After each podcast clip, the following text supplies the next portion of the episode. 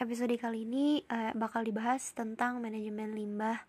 Uh, manajemen limbah prinsipnya no activity should begin unless a plan for disposal of non-hazardous and hazardous waste has been formulated. Jadi tidak boleh ada aktivitas yang bisa dimulai kecuali rencana untuk uh, pembuangan atau pe, pengelolaan pembuangan limbah berbahaya dan limbah nggak berbahaya itu sudah diformulasikan. Manajemen limbah outline-nya yang pertama ada pencegahan polusi dan pengurangan sumber, yang kedua penggunaan kembali dan redistribusi unwanted material dan kelebihan material, yang ketiga ada penanganan reklamasi dan daur ulang material dalam limbah, dan yang keempat pembuangan melalui insinerasi, penanganan atau penimbunan. Oke, yang per outline pertama pencegahan polusi dan pengurangan sumber. Uh, ini perlu mengurangi skala prosedur laboratorium itu caranya. Kemudian bisa juga dengan mensubstitusi dengan bahan kimia yang tidak berbahaya atau kurang berbahaya itu cara untuk melakukan pencegahan polusi dan pengurangan sumber. Kemudian yang kedua ada penggunaan kembali dan redistribusi unwanted material dan kelebihan material. Caranya yaitu dengan membeli bahan kimia sejumlah yang dibutuhkan, kemudian melakukan update inventarisasi bahan kimia. Yang ketiga, penanganan reklamasi dan daur ulang material dalam limbah. Caranya yaitu dengan melakukan daur ulang pelarut, kemudian mengirimkan limbah ke pengolahan limbah. Uh, kemudian yang keempat, pembuangan melalui insinerasi, penanganan atau penimbunan penimbunan itu merupakan e, metode pembuangan limbah yang paling tidak diharapkan. Kemudian yang e, bagian kedua tentang limbah bahan kimia berbahaya. Jadi e, ada yang pertama reduksi bahan bahaya di laboratorium, karakterisasi limbah, limbah bahan kimia yang diatur, pengumpulan dan penyimpanan limbah, pembuangan limbah tidak berbahaya yang tidak diatur, pemilihan penanganan dan pembuangan, dan yang terakhir, monitoring layanan limbah, transport, penanganan offsite, dan pembuangan. Nah, untuk yang pertama, reduksi bahaya di laboratorium. Dari sudut pandang kimiawan, mengurangi volume atau karakteristik bahaya bahan kimia adalah hal yang mungkin dengan cara melakukan reaksi atau prosedur tertentu. Tahap ini biasanya dilakukan di tahap akhir dalam suatu rangkaian eksperimen. Keuntungan secara ekonomi yaitu mengurangi kebutuhan pengumpulan, penanganan, penyimpanan, transfer, trans transport dan penanganan limbah berbahaya setelah eksperimen. Nah, menjaga inventarisasi bahan kimia up to date berarti juga mengurangi jumlah bahan kimia berbahaya on site. Yang kedua, karakterisasi limbah. Limbah itu harus dikategorikan berdasarkan identitasnya, penyusunnya, dan bahayanya sehingga dapat ditangani dengan aman. Kemudian, karakterisasi untuk manajemen offsite. Ketika limbah akan dikirimkan untuk daur ulang, reklamasi penanganan pembuangan, dan informasi karakterisasi limbah itu jadi diperlukan bergantung pada persyaratan fasilitas manajemen dan izinnya. Identifikasi tanggung jawab semua personel laboratorium. Nah, untuk melakukan identifikasi secara akurat dan lengkap, itu perlu diberikan label dengan jelas semua bahan kimia dan wadah limbah itu harus bisa diidentifikasi oleh personel laboratorium. Direkomendasikan agar informasi tambahan disimpan dalam catatan terpisah, sistem informasi laboratorium atau buku catatan laboratorium, terutama untuk wadah yang sangat kecil. Nah, karakterisasi limbah yang tidak diketahui. Material yang tidak diketahui itu menimbulkan masalah karena fasilitas daur ulang, pengolahan, dan pembuangan itu e, perlu mengetahui karakteristik dan bahaya untuk mengelola limbah dengan aman. Analisis limbah yang tidak ketahui itu mahal ya, terutama jika harus e, menggunakan metode EPA atau keberadaan suatu konstituen harus disingkirkan. Penanganan bahan yang tidak diketahui berisiko karena kemungkinan adanya bahan kimia atau produk sampingan yang tidak stabil, reaktif, atau sangat beracun. Meskipun mahal, beberapa perusahaan pembuangan limbah menawarkan layanan di tempat untuk mengkategorikan limbah laboratorium yang tidak dikenal untuk menyiapkannya dan dikirim ke fasilitas pengolahan mereka. Prosedur tes di laboratorium untuk bahan yang tidak diketahui. E, Tes ini tuh hanya dapat dilakukan dengan aman dan hanya jika difasilitasi karakterisasi limbah yang diperlukan oleh perusahaan pembuangan limbah berbahaya. Prosedur pengujian berikut hanya untuk memberikan informasi tambahan dan tidak memenuhi persyaratan peraturan EPA untuk analisis limbah. Informasi bias informasi yang biasanya diperlukan oleh fasilitas pengolahan dan pembuangan. Yang pertama deskripsi fisik, lalu reaktivitas terhadap air, kelarutan terhadap air, pH, sifat mudah terbakar, keberadaan oksidator, adanya sulfida atau sianida, kehadiran halogen, keberadaan bahan radioaktif, keberadaan bahan yang biohazardous, kehadiran unsur-unsur beracun, adanya poliklorinasi bifenil atau PCB eh, dan adanya senyawa dengan bau yang tinggi. Untuk deskripsi fisik dia termasuk wujud bahan ya padat, cair, uh, padat atau cair, kemudian warna dan konsistensi untuk padatan atau viskositas untuk cairan. Untuk bahan cair, jelaskan kejernihan larutan, transparankah, tembus cahaya kah, atau buram. Jika bahan yang tidak dikenal adalah cairan dua atau tiga lapis, uraikan setiap lapis secara terpisah. Berikan perkiraan presentasi total untuk setiap lapis. Setelah mengambil tindakan pencegahan keamanan yang sesuai untuk menangani hal yang tidak diketahui, termasuk penggunaan perangkat perlindungan pribadi, pisahkan sejumlah kecil sampel untuk digunakan dalam pengujian lanjut. Kemudian untuk reaktivitas terhadap air, caranya itu tambahkan beberapa bahan e, berapa mililiter air. Amati setiap perubahan termasuk ada evolusi panas, evolusi gas dan pembentukan api. Kemudian kelarutan dalam air. Kelarutan bahan yang tidak diketahui dalam air, jika bahan adalah cairan yang tidak larut, perhatikan apakah bahan tersebut kurang atau lebih padat daripada air, mengapungkah atau tenggelam sebagian besar cairan organik non halogensi itu e, kurang padat di, daripada air. Kemudian pH, pH diuji dengan kertas pH multi range. Jika sampel larut dalam air, uji pH larutan 10%. Titrasi netralisasi juga mungkin diinginkan atau bahkan diperlukan. Kemudian sifat mudah terbakar, caranya tempatkan kurang dari 5 ml dalam baki uji aluminium bahannya. Kemudian berikan sumber pengapian biasanya obor propana ke sampel uji selama 0,5 detik sebagai sumber pengujiannya. Jika bahan terbakar, bahan adalah cairan yang flammable dengan titik nyala kurang dari 60 derajat Celcius. Jika bahan tidak menyala, berikan lagi sumber pengapian e, selama satu detik. Jika bahan terbakar bahan tersebut itu berarti kombustibel bahkan bahan yang kombustibel itu memiliki titik nyala antara 60 sampai 93 derajat celcius. Kemudian keberadaan oksidator bisa dilakukan dengan membasahi kertas pati iodida yang dis, yang disediakan yang tersedia secara komersial dengan HCl 1 molar dan ditempatkan sebagian kecil e, bahan pada kertas basah kemudian e, perubahan warna kertas menjadi ungu gelap adalah tes positif untuk oksidator. Tes juga bisa dilakukan dengan menambahkan 0,1 hingga 0,2 gram natrium atau kalium iodida dalam 1 ml larutan sampel 10% yang telah diasamkan.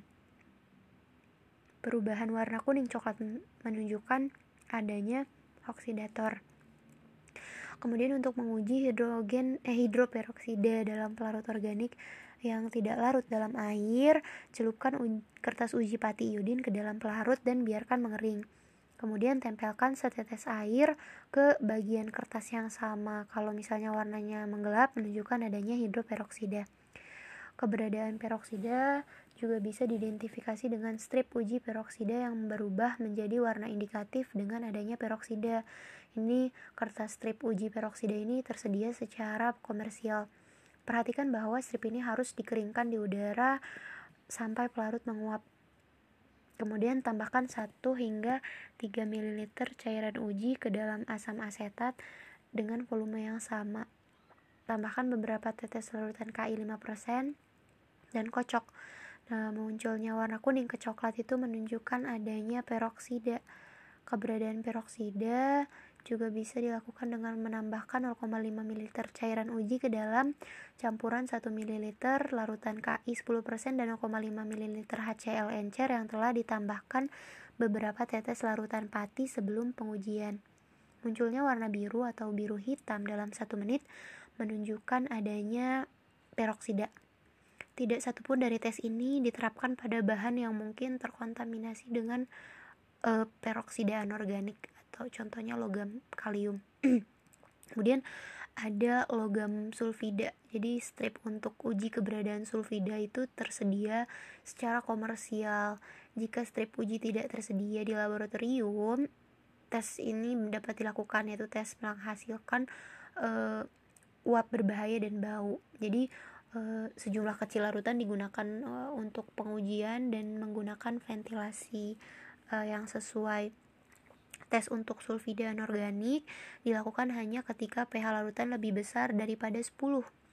Jadi eh, HCl pekat ditambahkan ke sampel sambil memegang selembar kertas timbal asetat komersil kemudian dibasahi dengan aquades di atas sampel. Perubahan warna coklat hitam di atas kertas menunjukkan adanya hidrogen sulfida. Nah, kemudian keberadaan sianida. Jadi e, bisa diuji menggunakan strip uji uh, komersial sianida dan penggunaannya itu uh, sangat dianjurkan.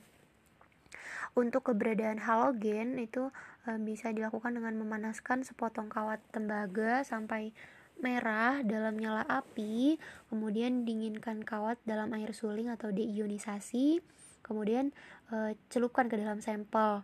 Kemudian panaskan lagi kawat dalam nyala api, Nanti kalau misalnya ada halogen akan ditunjukkan oleh warna hijau di sekitar kawat dalam nyala api. Kemudian eh, ada sebuah untuk untuk limbah yang yang ketiga limbah bahan kimia yang diatur. Sebuah pertanyaan penting untuk perencanaan dalam laboratorium adalah apakah suatu limbah diatur sebagai limbah berbahaya karena e, limbah berbahaya yang diatur harus ditangani dan dibuang dengan cara tertentu. Limbah kimia yang diatur sebagai limbah berbahaya didefinisikan oleh Badan Perlindungan Lingkungan dalam salah satu dari dua cara. Yang pertama, limbah yang memiliki karakteristik berbahaya tertentu. Hal ini didasarkan pada sifat bahan yang harus dikenali oleh personel laboratorium yang terlatih.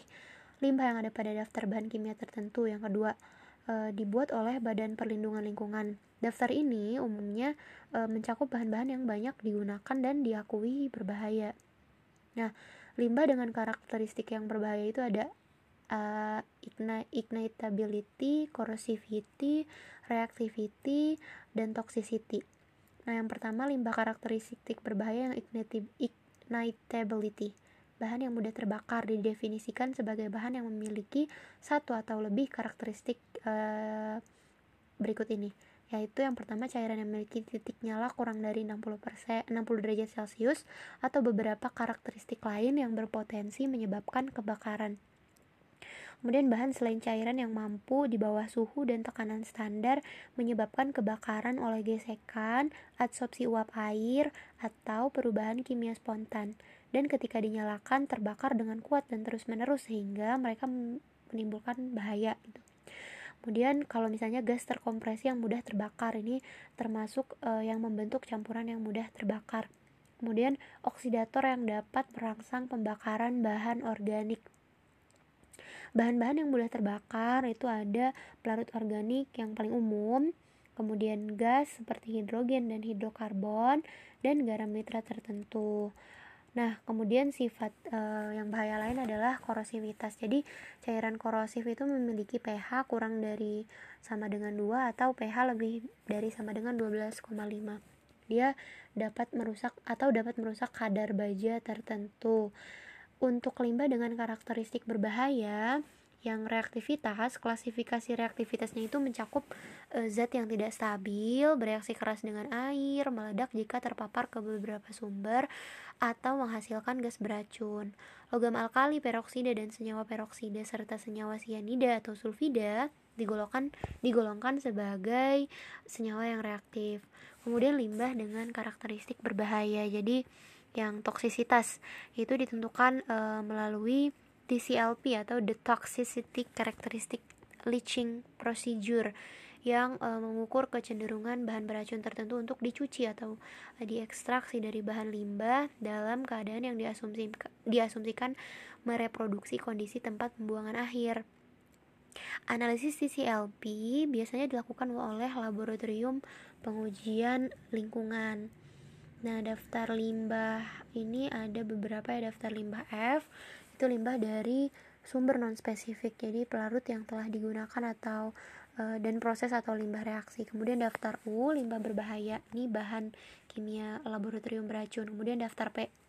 Ini limbah yang berbahaya akut jadi bahan kimia yang sangat beracun yaitu bahan kimia yang memiliki e, e, dosis mematikan atau LD50 atau kurang dari 50 mg per kilogram itu dilakukan uji pada uh, tikus secara oral Kemudian dari daftar limbah tersebut yang paling umum di laboratorium itu limbah F. Itu mencakup pelarut laboratorium termasuk yang terhalogenasi ya, kayak metilen klorida, tetrakloroetilen dan fluorokarbon terklorinasi. Dan pelarut yang tidak terhalogenasi itu ada silena, aseton, etil asetat, etil benzen, etil eter, metil isobutil keton, metanol dan N-butil alkohol. Perhatikan bahwa bahan tersebut termasuk dalam daftar ini hanya jika bahan tersebut telah digunakan. Kemudian kategori lain dari limbah yang terdaftar untuk laboratorium adalah daftar U dan P eh, yang mencakup bahan banyak kimia yang sering ditemukan dalam laboratorium. Daftar U dan P itu berkaitan tentang uh, dengan tumpahan dan bahan pembersih tumpahan dari senyawa yang terdaftar pada U dan atau P. Kemudian bilasan dari pembilasan rangkap 3 pada wadah kosong senyawa P yang dikumpulkan dan ditangani sebagai berbahaya. Kemudian wadah kosong. Jika wadah berisi limbah berbahaya akut, pembilasan dilakukan tiga kali lipat atau tindakan setara diperlukan sebelum wadah itu kosong. Hasil bilasannya itu harus dikumpulkan dan ditangani sebagai limbah yang berbahaya. Nah, selanjutnya um, untuk pengumpulan dan penyimpanan limbah akan dilanjutkan di podcast episode berikutnya. Oh ya, ada tambahan lagi tentang uh, pengumpulan dan penyimpanan limbah. Jadi, tiap limbah itu kan punya pencegahan dan metode pembuangan tertentu. Jadi, pelarut e, limbah berbahaya atau yang mudah terbakar dikumpulkan dalam wadah yang sesuai, kemudian menunggu transfer ke fasilitas pusat untuk penanganan limbah kimia atau pengambilan oleh perusahaan pembuangan komersial. E, sering kali berbagai jenis limbah itu terakumulasi dalam wadah yang sama. Dah, itu aja. Selanjutnya bagian ke-4 sampai 7 untuk uh, limbah bahan kimia berbahaya di episode selanjutnya.